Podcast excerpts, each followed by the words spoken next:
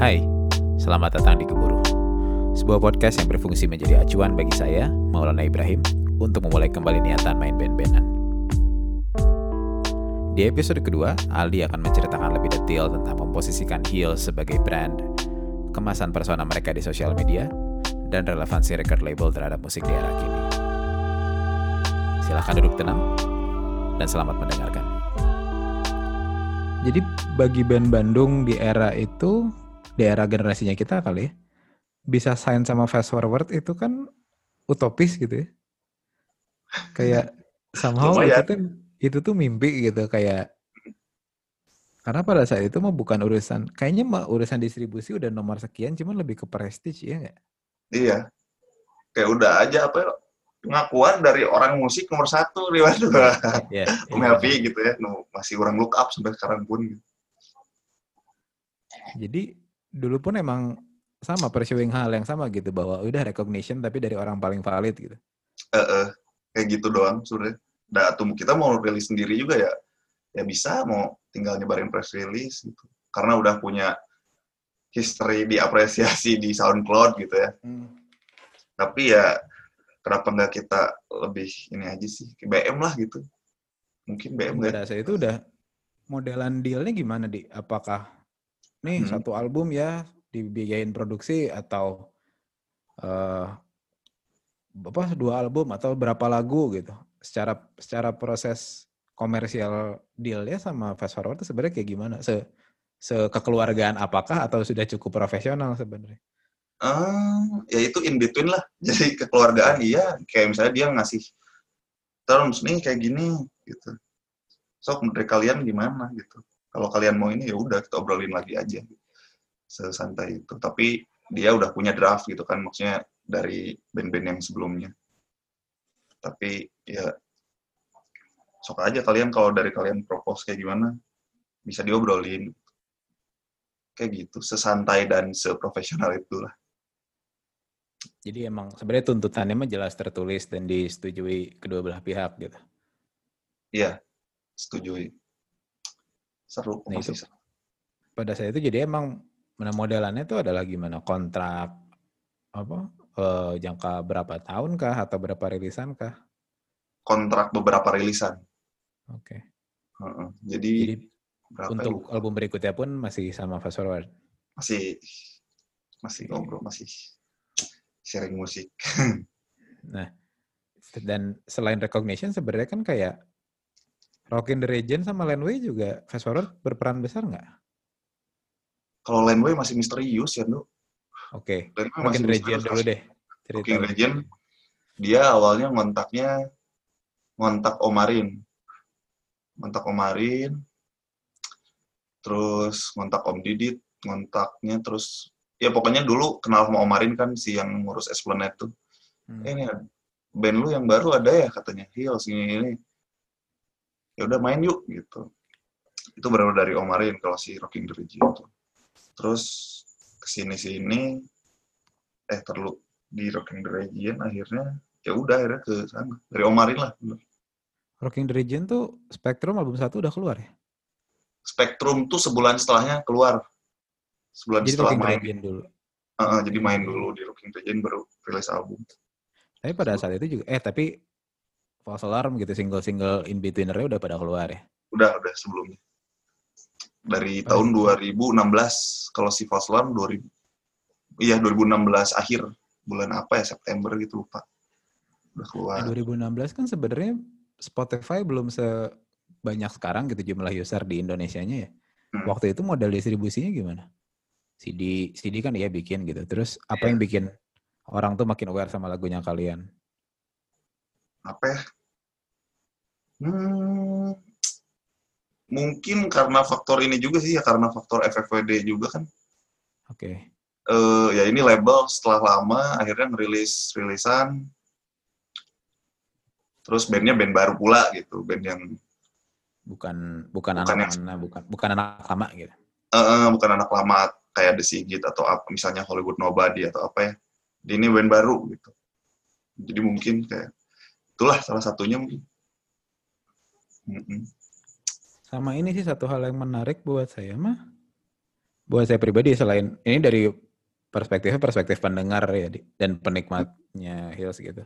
Eh, Kalian tuh secara eh, looks gitu ya, ketika live performing gitu, itu tuh eh catching, eh ah, catching apa catchy gitu.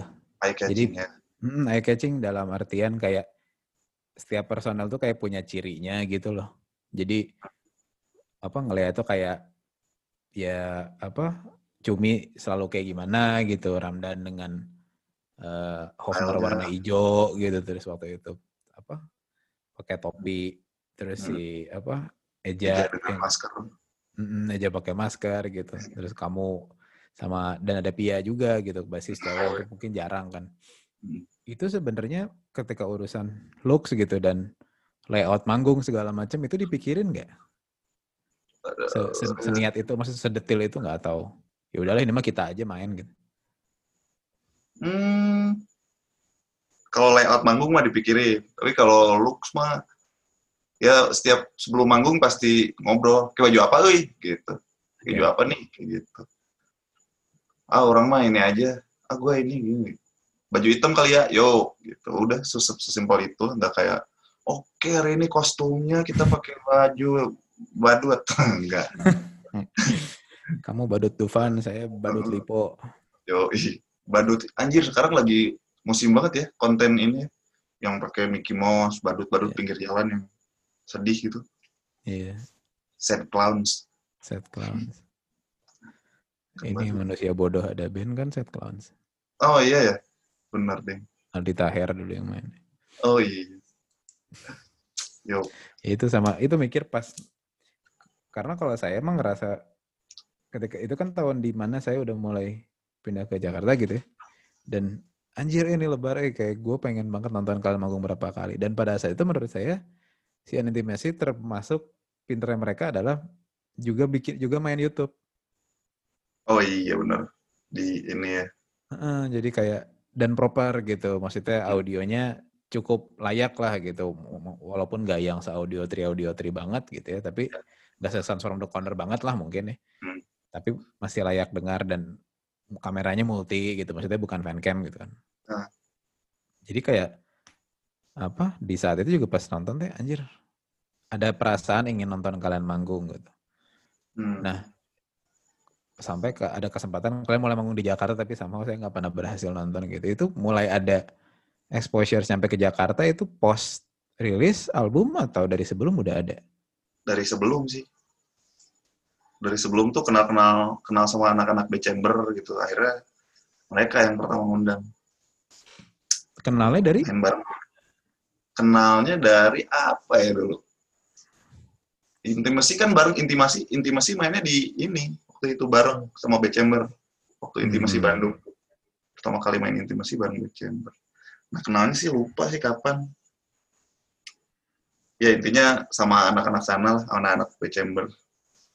Kolibri. Baru udah kolibri Hmm. akhirnya diundang terus eh yang nontonnya yang sekarang lumayan kenal dekat kayak siapa ya Anida gitu ada si Tomo dulu tuh terus yang ya saya tahu muka mukanya lah gitu. Ada Bram PF Video Works. Hmm. Iya. Nah itu berarti itu dulu pertama manggung di Jakarta tuh di mana acara Kolibri? di Loop. Loop Blok M acaranya si Pindi tuh dulu acara apa namanya? Be Voice Indigo. Jadi si Binus tuh Oke, punya Binus. program radio gitu. Bikin acara sama Fake sama Share Springs lagi itulah lagi Dan setelah itu jadi lumayan ini ya, lumayan. Karena menurut saya kan Hills adalah band generasi yang agak baru yang berhasil make it di Jakarta menurut saya. Band band Bandung eh, dan sekitarnya gitu ya. Karena menurut saya kan makin ke sini kayak bisa dihitung jari ya. Band yang generasinya agak baru tuh yang bisa main di Jakarta di scene sini. Maksudnya scene Jakarta be it apa anak-anak kolibri dan lain-lain juga kan. Bisa dihitung jari ya nggak sih? Saya saya yang saya inget mah either kalian kolaps eh Mirza kenal sama Kolibri gitu. Si Mirza teh pas of blood gitu. Oke. Terus si ada dulu namanya bandnya tuh Vault gitu ya, Vault. Itu ya indie popan juga. Mana karena kolibri, ya notice lah, banyak orang yang notice. Cuma mungkin, ya gitu. Itu kalau menurut kamu gitu ya, sebenarnya apa sih yang, kok bukan, gak usah nanya resep atau saran gitu ya. Jadi formulanya yang bisa bikin kalian nyampe dan bisa dalam tanda kutip diterima gitu di ibu kota gitu di sini ibu kota tuh apa? Uh, orang pernah ngobrol dengan si Egi. Kayaknya kita tuh kayak punya tiga formula aja. Egi itu Egi Faziai. Egi Faziai vokalis. Dulu ini ngobrol kayak kayaknya untuk biar maksudnya Maneh bisa diterima sama musik Maneh sama society gitu, kayaknya harus ada musik yang pasti nomor satu harus materialnya harus guys kerjainnya ya.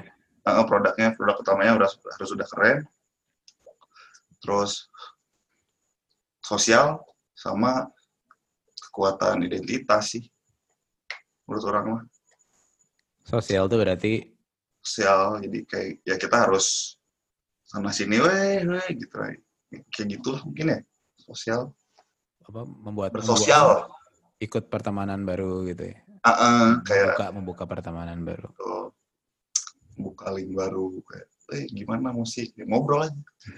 Itu sih kayaknya lumayan penting sih ngobrol. Sama yang terakhir juga itu menarik tuh identitas tuh berarti gimana maksudnya? Identitas tuh namanya kayak contohnya branding kali ya.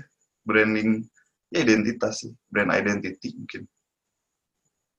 Uh, Iya kayak ngebentuk si Hills teh dulu saya teh kayak ya itu sebenarnya nggak dipikirin tapi dengan naturally uh, kebentuk gitu si Eja dengan ininya si ya saya si Eja sama si Ramdan jadi kayak orang yang kita jadi orang goblok ya di sini kayak gitulah jadi kayak Hills teh adalah band yang gimana ya orang kayak udah ada bayangan gitu oh yang gini gitu.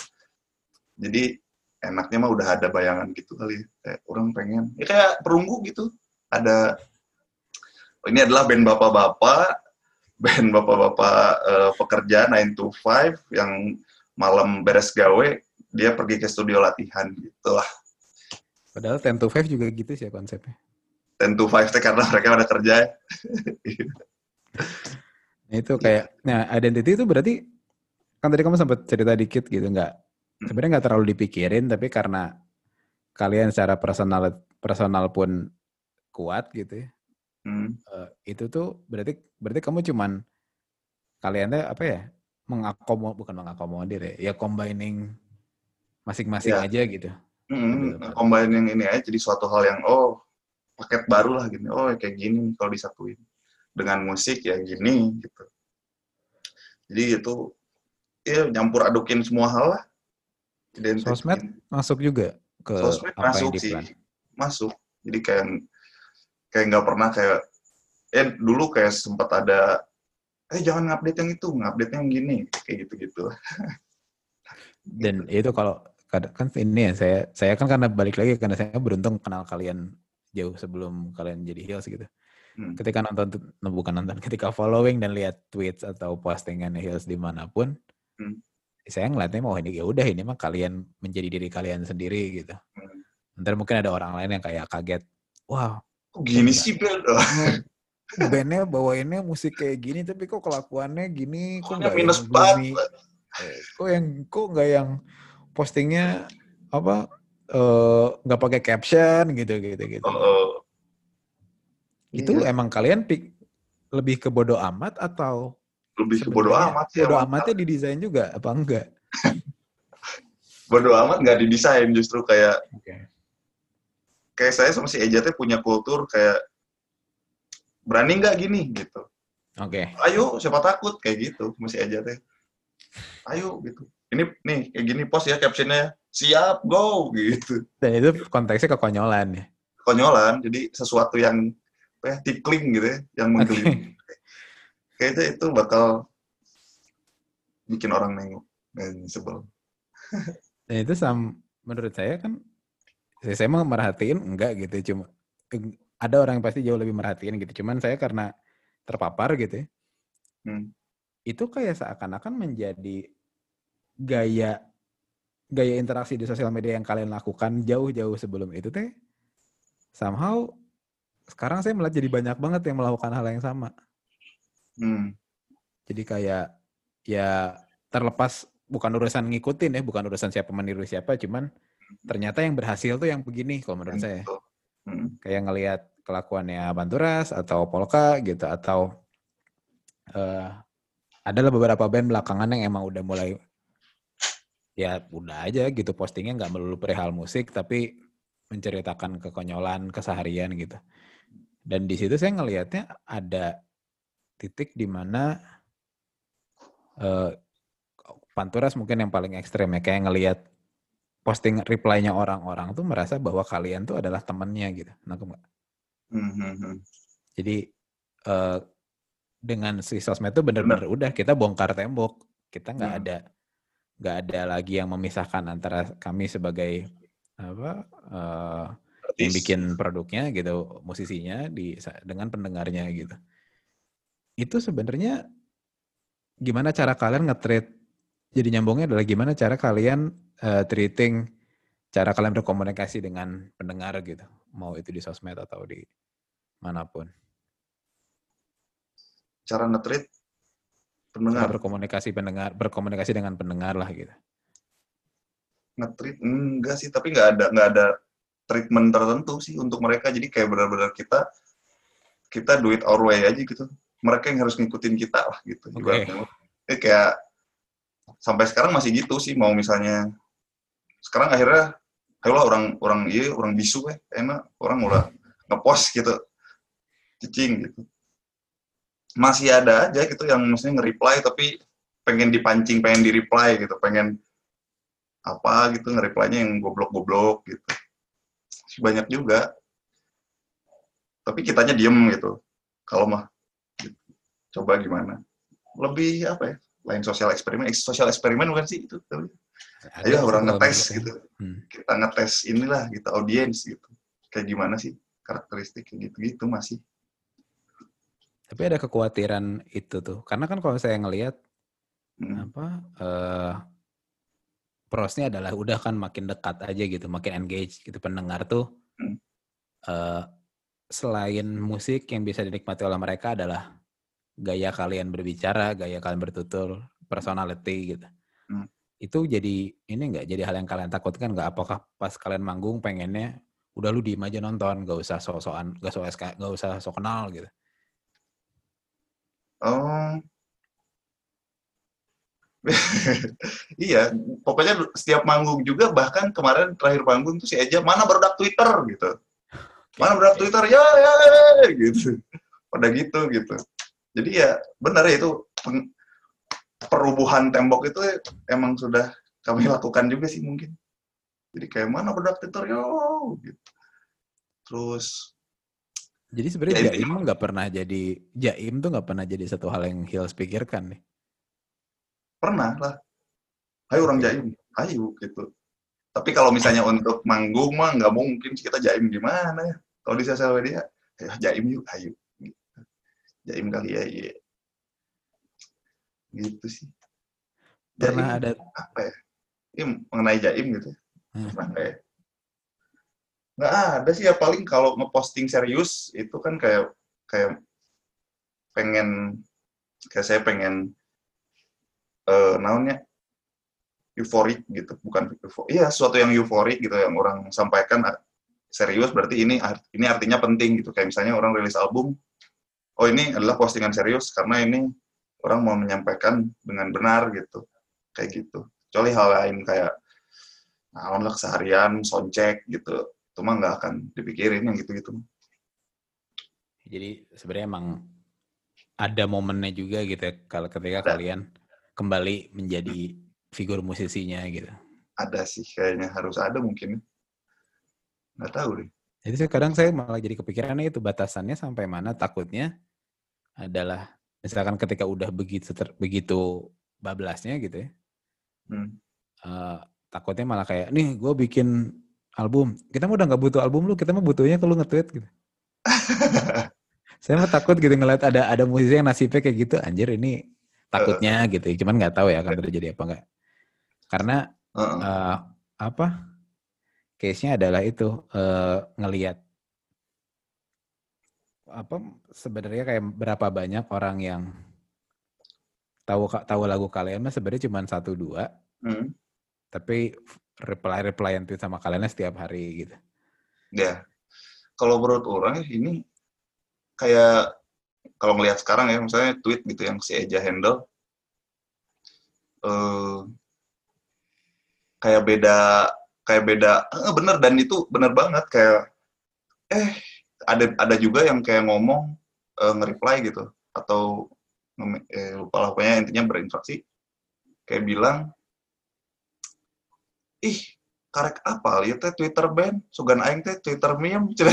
Jadi intinya ke bahasa Indonesia ih gua baru tahu dah ini apa akun akun Twitter band gitu. Kirain gua akun Twitter meme. Sampai ngomong gitu gitu kan. Ya berarti ya itu udah udah kayak gitu juga rasa tapi kita teh nggak takut gitu untuk seperti itu Oke. teh karena akhirnya kelucuan ini teh bakal dibayar gitu sama keseriusan musik kita lah anjay. Iya maksudnya anjay wah iya bahaya ya iya. Ntar saya Wah. sensor. freeze freeze. Iya. Nah udah. Masih freeze nggak? udah. Ah telat suaranya. Cek. Cek. Ngomong. Ah. wah anjir. Ngomong. nah ini enggak sip. Aduh tadi sampai mana ya?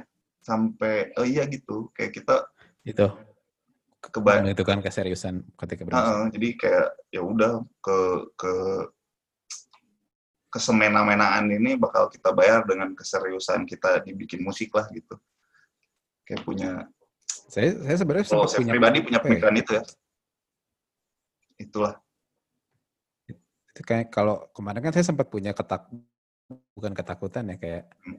lebih ke penasaran Hills akan handle gimana ya karena misalkan Hmm. ngeliat si Panturas gitu ya, lagi-lagi comparingnya sama Panturas karena belakangan mereka Hmm. menurut saya berhasil banget gitu engage sama Hmm. si Hmm. pendengarnya melalui sosial media.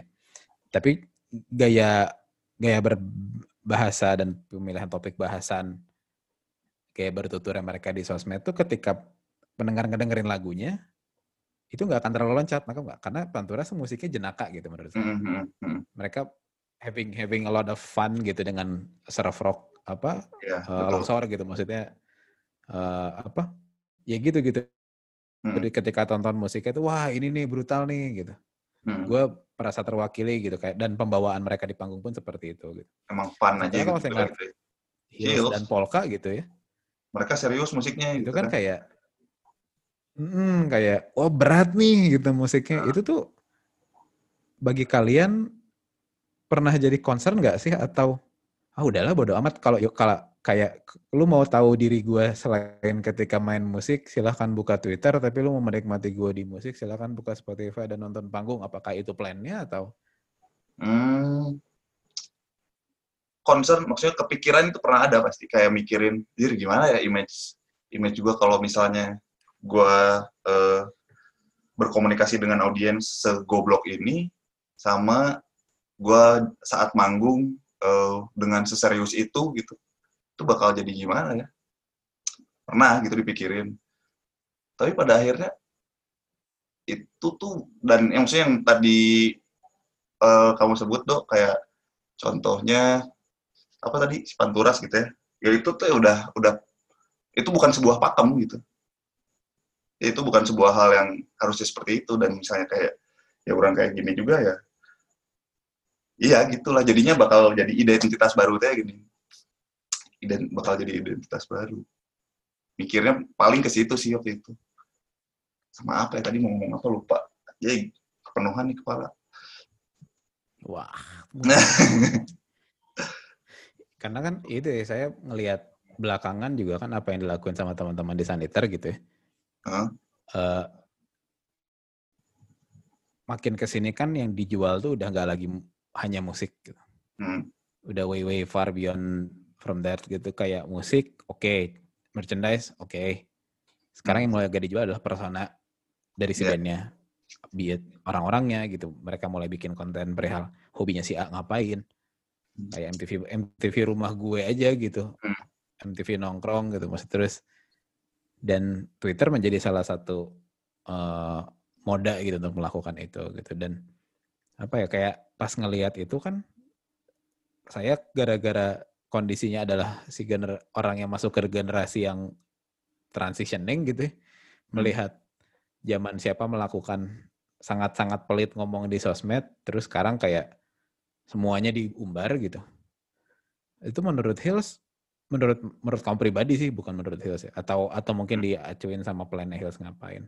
Hmm. Perihal exposing personalities tuh itu ada di plan atau enggak gitu? Dan andai kata ada seberapa beneficial gitu buat kalian?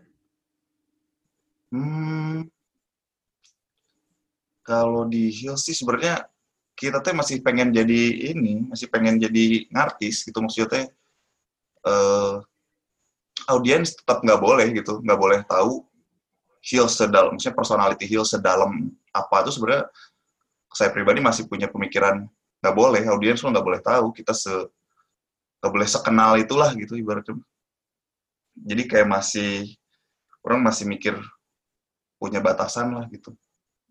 Jadi untuk sehere-herenya mungkin juga gitu. Ya oke intinya kalau misalnya ada audiens yang eh, nyangkut gitu, tapi herenya apa bercandanya nggak masuk, ya tetap kita nggak nggak inilah gitu. Ini kalau bercanda oh nyambung nih sama kita nih, oh berarti dia udah udah udah udah kita kenain gitu. Gimana ya? Udah kita oh ini berarti ngerti gitu Hmm. sama apa yang kita sampaikan. Itu sih. Oh ini lupa tadi Tapi ini berarti dan apa yang membuat kamu pengennya tetap ya udah pengen meng- bukan apa ya selain artis kata yang tepat ya udah. Pengennya mah kita tetap punya sekatnya gitu. Itu Betul. alasannya karena apakah? alasannya karena karena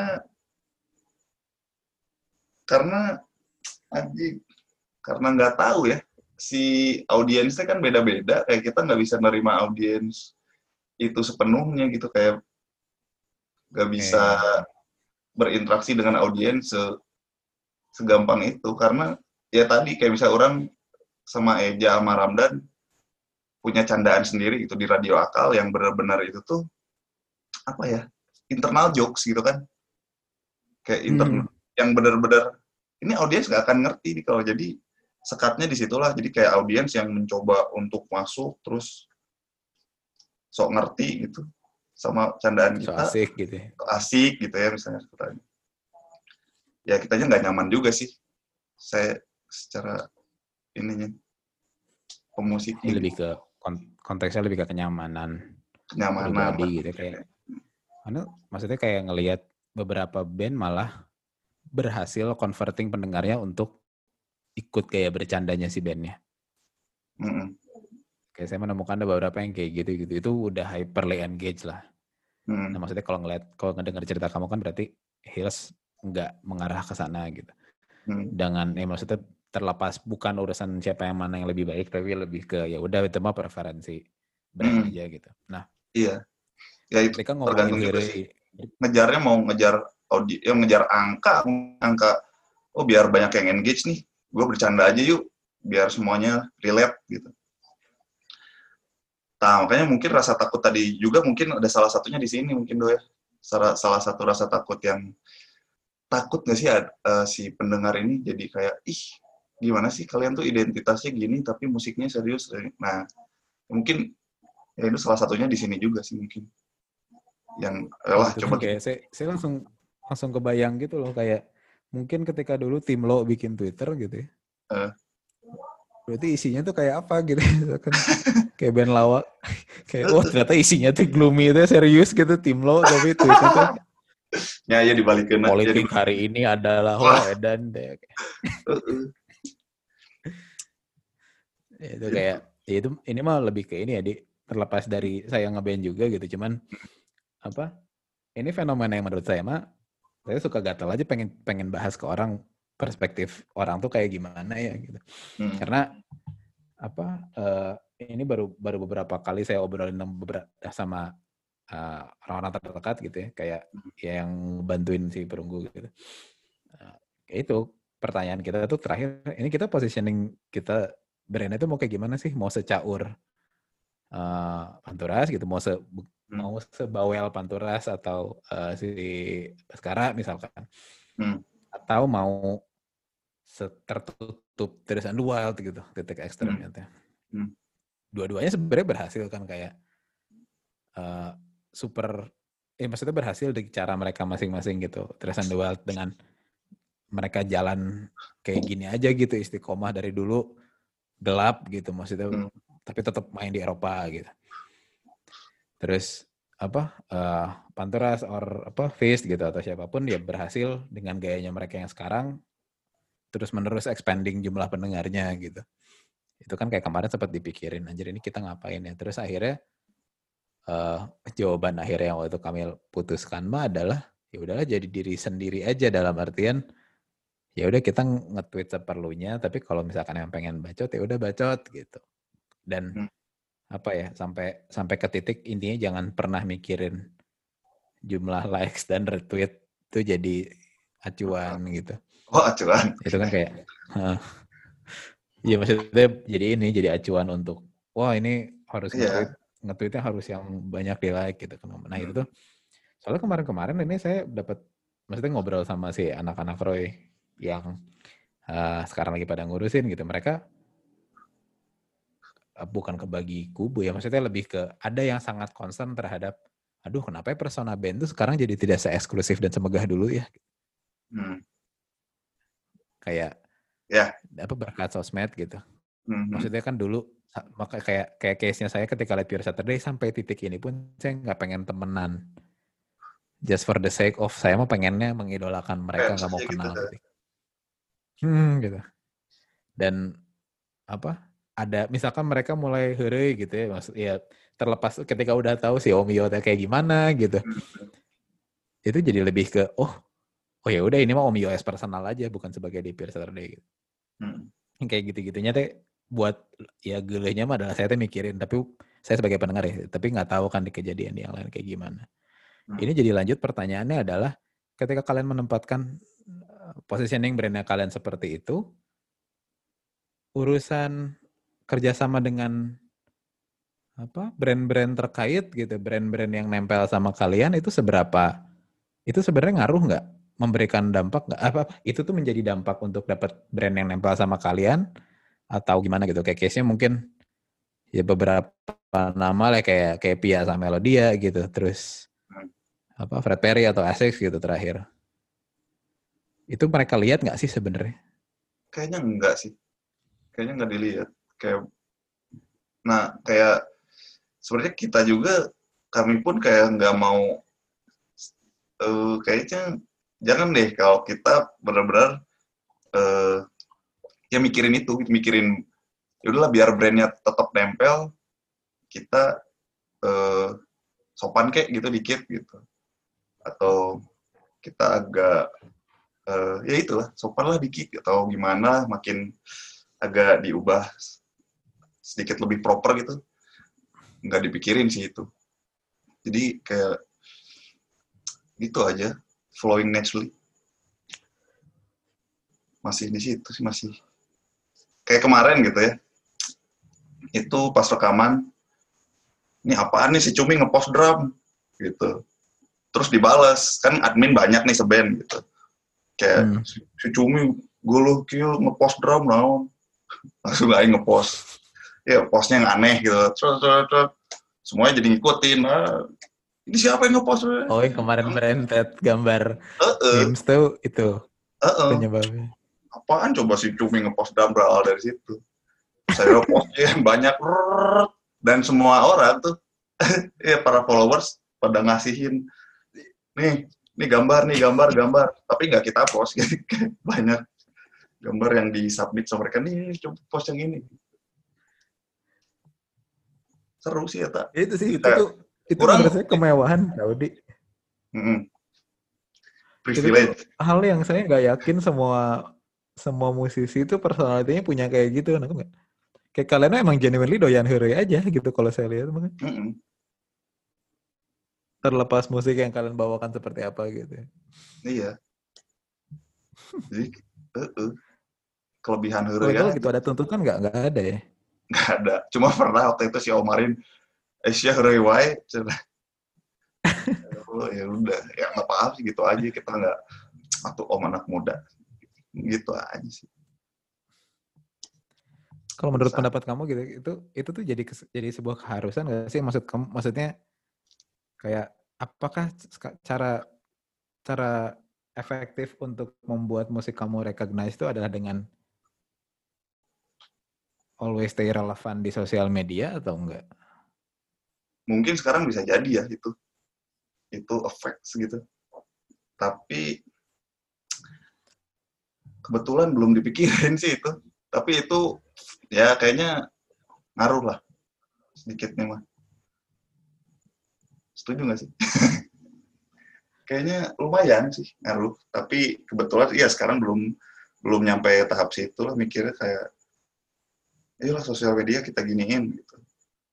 Justru oh mungkin justru emang karena nggak mau sosial media kita nggak mau di di dibentuk juga. Jadi ben- mungkin bentuk kita tuh adalah bentuk sosial media kayak orang mah bipolar menurutnya kayak si ini kok tiba-tiba gini sih si ini kok tiba-tiba gini sih? Gitu. Tiba-tiba posting yang begini kayaknya suka yang gitulah kita suka yang yang nggak disangka sama audiens. Kok tiba-tiba jadi serius atau fotonya warnanya gini semua gitu. Kok dihapusin misalnya postingan? Gitu. Jadi sukanya tuh yang tidak disangka lah sama audiens. Terlepas kalian meniatkan itu atau enggak gitu ya. Ah. Terlepas dari situ Menarik. Dari segala hal ya. Ini dari Nah. segala hal nggak hanya sosial media kayak musik pun gitu. Kayak kayak saya saya pribadi mungkin atau anak-anak yang lain juga suka gitu kalau ngerjain audiens Eh, kayak eh, yang lain sekarang udah nyangka oh Hills adalah shoegaze band shoegaze indie rock kok kayak suka nih kayaknya kita mainin asik nih shoegaze ya udah aja kita sekarang jadi death metal gitu kayak Jadi album kedua Hills itu death metal ya. death metal kurang lebih lah. Ya. Nah, jadi nyambung nih produksi album kedua eh progres udah berapa Hmm, banyak, udah berapa jauh? terakhir udah rekaman. Jadi yang udah direkam teh 11 gitu. Ya sebelasan. Terus masih ada sampai 15 teh 4 lagi ya kita harus bikin 4 lagi Oh 15 lagu total berarti. Mm-mm. ya udah bikin sebenarnya udah banyak gitu Itu tapi yang kepengen. 4 apa Itu Bener. kepengen sendiri atau kepengen kedua berdua kayak label dan band sebanyak itu? label dan band kayak om kita ber- berapa ya lagunya nih oh kamu bikin aja segini katanya oh siap ya udah kita bikin 15-an lagu yang direkam secara propernya 15 gitu terus yang dirilisnya mungkin di bawah itu terakhir udah rekaman 11 Oh jadi sebenarnya mah rekam proper dulu aja, cuman rilisnya bisa jadi berapa gitu. iya kayak gitu rekamnya 15 lah Gitu. Masih percaya dengan format album atau cacah satu-satu sampai kenyang baru bread album terakhirnya gitu? format album iya sih emang sekarang ya format album kayak udah nggak ini kayak udah. Tapi masih apa ya masih ada keterikatan emosional mungkin tuh Hmm. terhadap rilisan yang eh, gede teh gitu. Rilisan besar teh euforik gitu dan saya suka. Nah kan sebenarnya itu kan kayak kemarin tuh sama topik kayak bis ngebahas sama barudak gitu sama si anak-anak perunggu kayak Hmm. mau rilisnya mau kayak apa nih gitu. Hmm, Ya udah sama aja jawabannya juga kenapa pengen album karena urusan emosional kan terlepas. Ah. Walaupun sekarang formatnya juga kita udah bisa satu-satu juga orang udah nggak ada yang peduli gitu. Ah. Karena kalau ngelihat kan sekarang gaya orang mengkonsumsi musik kan adalah kompilasi gitu kan. radio Nah, jadi terus jadi kemarin kayak menarik ngelihat si Dua Lipa bikin album isinya mix.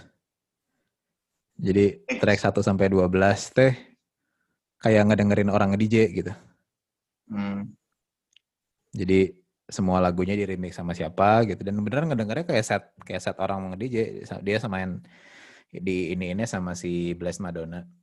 Oke. Okay. Terus ya gitu kayak menarik oh. Tapi jadi ketika ngedengerin itu kayak anjir pinter ya. Gue jadinya maunya dengerinnya full gitu. Hmm. Karena pas mau ganti bahkan dia nggak nyadar kalau lagunya udah ganti gitu kan ketika di sequence dalam format Artis satu rilisan full. Okay. Hmm dijahit gitu. Ya, ya, ya, ya. Nah itu kayak menurut kamu kayak Mes juga si kayak nah Mes juga juga kemarin gitu. Mio yang lama juga gitu kan udah standar. Lepas kalau nanya ke kamu gitu ya, si se, apa seberapa kayak strategi rilis ini tuh akan pengaruhnya akan sejauh apa sih gitu? Apakah kamu mau maksudnya album tuh dibikin sebagai bentuk penanda uh, milestone gitu atau timeline bahwa ini ini adalah Hills di era Spectrum yaitu musiknya ketika ini lalu hmm. Hills di era album kedua ketika kita musiknya kayak gini atau hmm. kalian cukup bodoh amat dan apa si pendengar juga ya udah tahu makan aja ya gitu atau atau kamu punya punya hal yang kamu kejar perihal saya pengennya si pendengar saya tahu kita tuh lagi ada di set eh, lagi ada di state yang kayak gimana gitu. Hmm. Uh, itu juga ada kepikiran kayak tapi itu juga balik lagi kayak itu teh pasti terjadi teh gini dok maksudnya itu kalau misalnya kita bikin album di album kedua kayak gimana itu yang bakal bikin orang menyimpulkan jadi kayaknya kita biarin orang yang nyimpulin aja deh album kedua kita kayak gimana. Kita mah ya misalnya bikin art se gobloknya gitu. Masih di bodo amat juga enggak dipikirin gitu. Tapi enggak yang ayolah kita ngejar di, di album ini kita ngejar musiknya kayak gini yuk gitu. Kayaknya enggak sih enggak seserius itulah kalau mikirin konsep secara artistik mah eh artistik secara musikal lah jadi mungkin hmm. ini mah kayak apa ya fase apa ya yang yang maksudnya yang keluar dari otak kita saat sekarang tuh ya kebetulan kayak gini gitu. Itu gak sih dok? Kayak uh, ya hasil dengeran Spotify kita, hasil uh, lingkungan, misalnya kalau secara lirik misalnya apa yang kita lihat, yang kita tulis gitu mungkin. Gitu sih paling. Ya bedanya seberapa, waktu. Seberapa jauh? Eh sorry, lanjut lanjut. Iya, ya bedanya mungkin cuma waktu aja, waktu waktu nulisnya saat uh, environment sekitar kita teh ya beda jauh gitu sama waktu Spektrum 2017 tuh kayak gimana dunia kayak gini ya kita tulis mungkin kayak gitu atau itu yang ada di kepala kita kayak gimana gitu dulu kalau sekarang ya kita ya apa di kepala kita ya kita tumpahin lagi gini sejujur mungkin TW jadi seberapa jauh ekspektasi kamu terhadap pendengar gitu untuk ngerespon si album ini nantinya? Seberapa jauh pendengar merespon?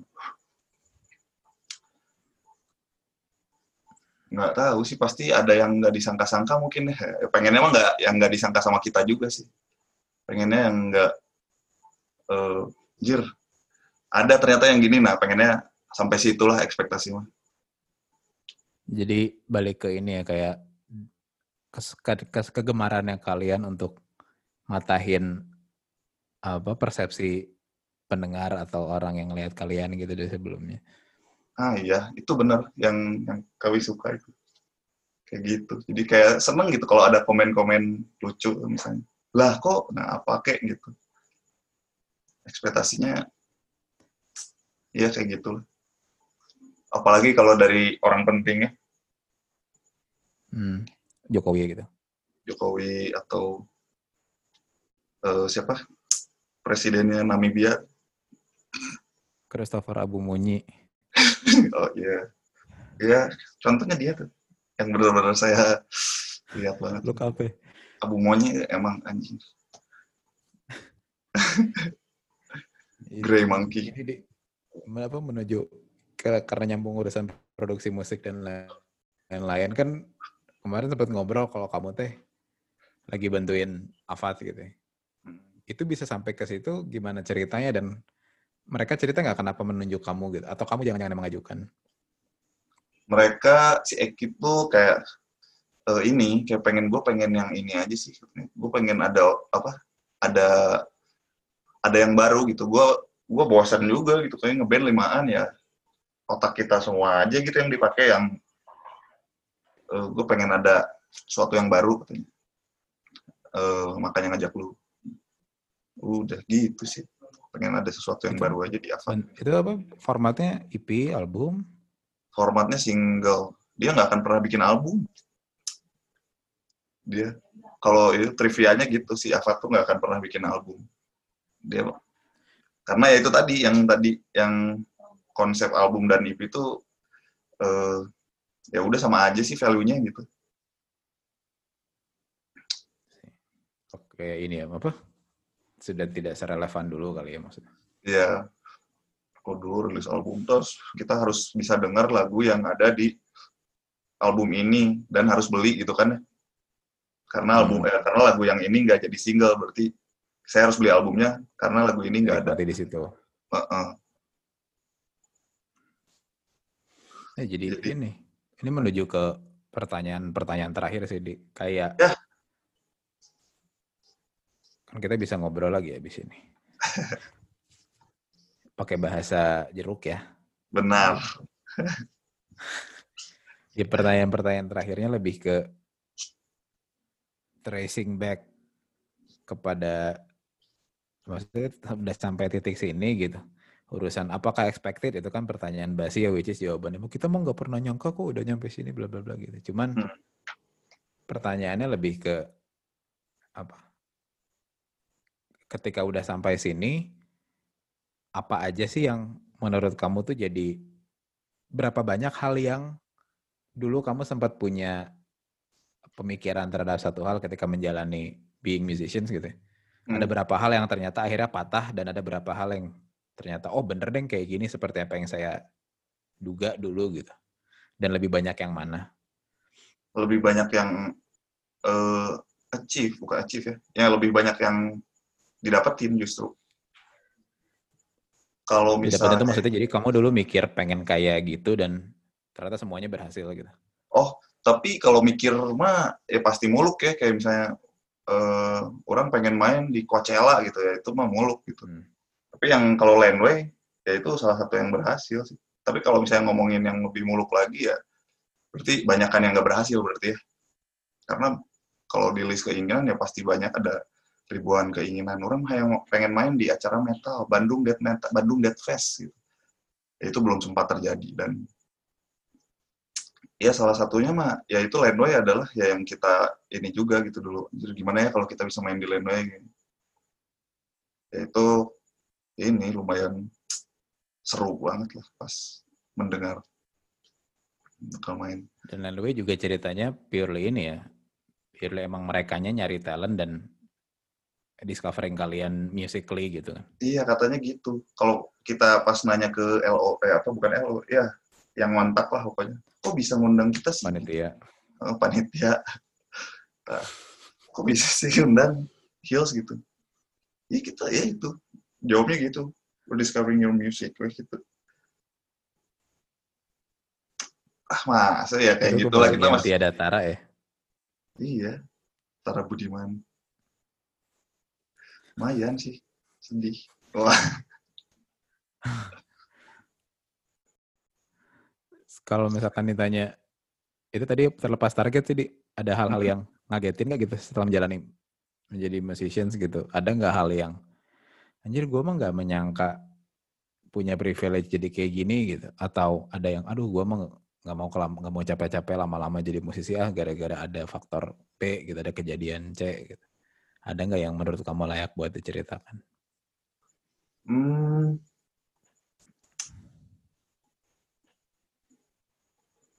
apa ya aduh orang mah kayaknya nggak mau lama-lama eh di heels nggak mau lama maksudnya tuh kayak orang pengen main musik teh ya sebenarnya ini kayak ini aja sih kayak akhirnya kan kemarin si heels teh sempat ada diem gitu ya.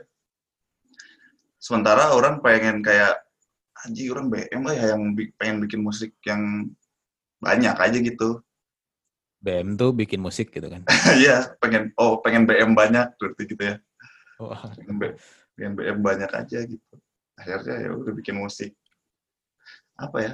Nggak ada sih kalau pemikiran itu. Ya intinya mah sampai sekarang sampai detik ini kayak saya mah masih pengen gitu main musik teh masih apa ya masih nggak tahu terlalu ini terlalu nyebur kali ya. Jadi kayak masih ini aja masih demen. Belum ada kepikiran aduh kayaknya pengen berhenti deh. Duh, kayaknya even kurang bakal jadi pegawai korporat pun kayak, kayak mana ya aja gitu. Bakal jalan aja terus kayaknya main musik mah. Seminimal kayak colok sound card di rumah bikin lagu gitu. Seminimal itu itu pasti terjadi sama aja kita juga. Hihi. Mantuf. Hmm. Kayak tuh. Kalau begitu. Kayaknya barusan pertanyaan terakhir karena apa ya? Semoga percakapan kita bisa buat Apa ya? yang mau mau mau dengar dan mau nonton Hmm. panjang ini ya semoga apa menginspirasi kan uh, ya gak, gak usah muluk-muluk berfaedah atau menginspirasi cuman kayak lebih karena menurut saya mah ini di satu hal yang saya mah apa ya kalau misalkan saya nggak temenan sama kamu juga saya mah bakal ngejar momen kayak gini gitu pengen ngobrol. Karena doring pada dasarnya karena melihat apa ya, persistensi terus kayak kamu teh ya udah we gitu purely istiqomah main musik teh bener-bener untuk kepuasan pribadi tapi kebetulan banyak orang lain yang suka gitu.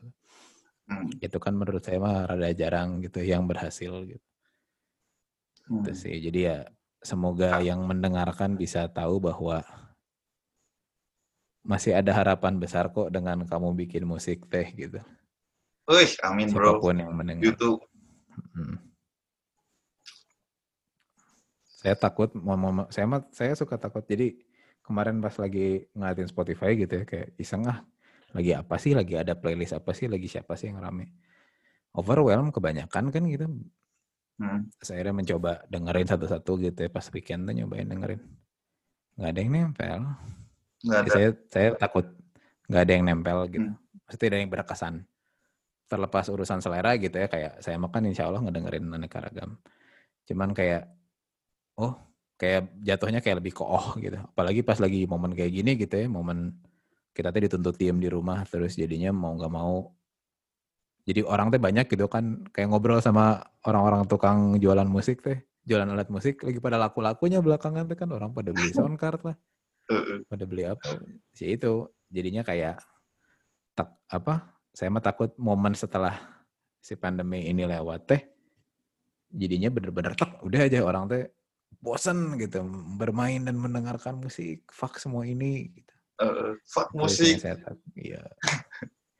ya semoga dengan mendengarkan ini mah jangan jangan berhenti ya kayak kita mah selamanya bakal tetap butuh musik kayaknya ya. Butuh sih. Parah. Tapi Gitu. anjir pernah aing pernah ini pernah ngobrol gitu. Gimana ya kalau misalnya musik nanti eh, dijual seini itu apa se-strict itu kayaknya melodi itu udah nggak bisa dan sekarang pun udah gitu gitu kan kayak melodi itu udah oh ini melodinya milik si ini. Ini mah trivia ya. Hmm. Orang kemarin rekaman si Hills. Kita bikin lagu. Bikin lagu ya ada bikin lagu terus kemarin iseng-iseng nih buka YouTube ada trending gitu.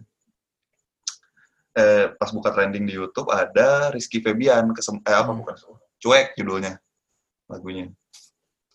Terus itu nggak bikin video klipnya si Ucup Ucup mana? Yus- Yusuf Zulkibri Ucup Matoa si Gelo. yang yang megangin brandingnya Rizky Febian sekarang. Lanjut. Oh, oke, sungkem cup. Saat Cup. Udah gitu eh si ya, si cuek itu eh, nggak didengerin lah akhirnya eh, dapat momen dengerinnya di radio eh terus pas denger di radio ini apa sih kok ini maksudnya mas, musiknya ini kayaknya Rizky Febian deh. Dan gobloknya itu tuh melodinya eh bukan melodi itu iya si melodi vokal gitu ya. Si vokal itu ah, sama gitarnya juga melodi. Itu tuh mirip banget sama lagu Hills yang ini. Kayak kita belum dirilis. Nah itu kayak anjing ini melodinya udah diklaim duluan sama dia nih. Gimana nih? Sad. Makanya sestrik itu kayaknya nanti musik bakalan ada kayak gitu tuh kayaknya jadi kita harus ya. pandai-pandai mencari nada yang baru mencari notasi-notasi yang baru Ini bahkan bahkan Rizky Febian ya maksudnya dari aneka ragam nama musisi yang ternyata nadanya somehow bisa resembling sama Hills. ah Rizky Febian. Rizky Febian namanya gitu bukan siapa kayak yang masih indie gitu kan Ah. emang bagus sih itu orang. eh, iya bagus kok di pelukanmu juga bagus. Hmm. Oke. Kita ngobrol lanjut tapi yang kita rekam sampai sini aja. Makasih Alright. banyak buat Aliodi Febriansyah Aldet udah mau ngasih waktu buat kita ngobrol. yo thank you so Semoga much lancar ya Sama-sama. si si album dan aneka ragam Plan Hills ataupun Aldet ke depannya. Terima kasih banyak gitu. ke depan di depan Alfamart naik sepeda buat perunggu juga good luck albumnya Amin. Sip. Buat yang dengerin, nanti ada episode berikutnya kalem. Hmm. Oke. Yo. Semoga ini ya, semoga bermanfaat. Sampai jumpa lagi di lain kesempatan. Dah.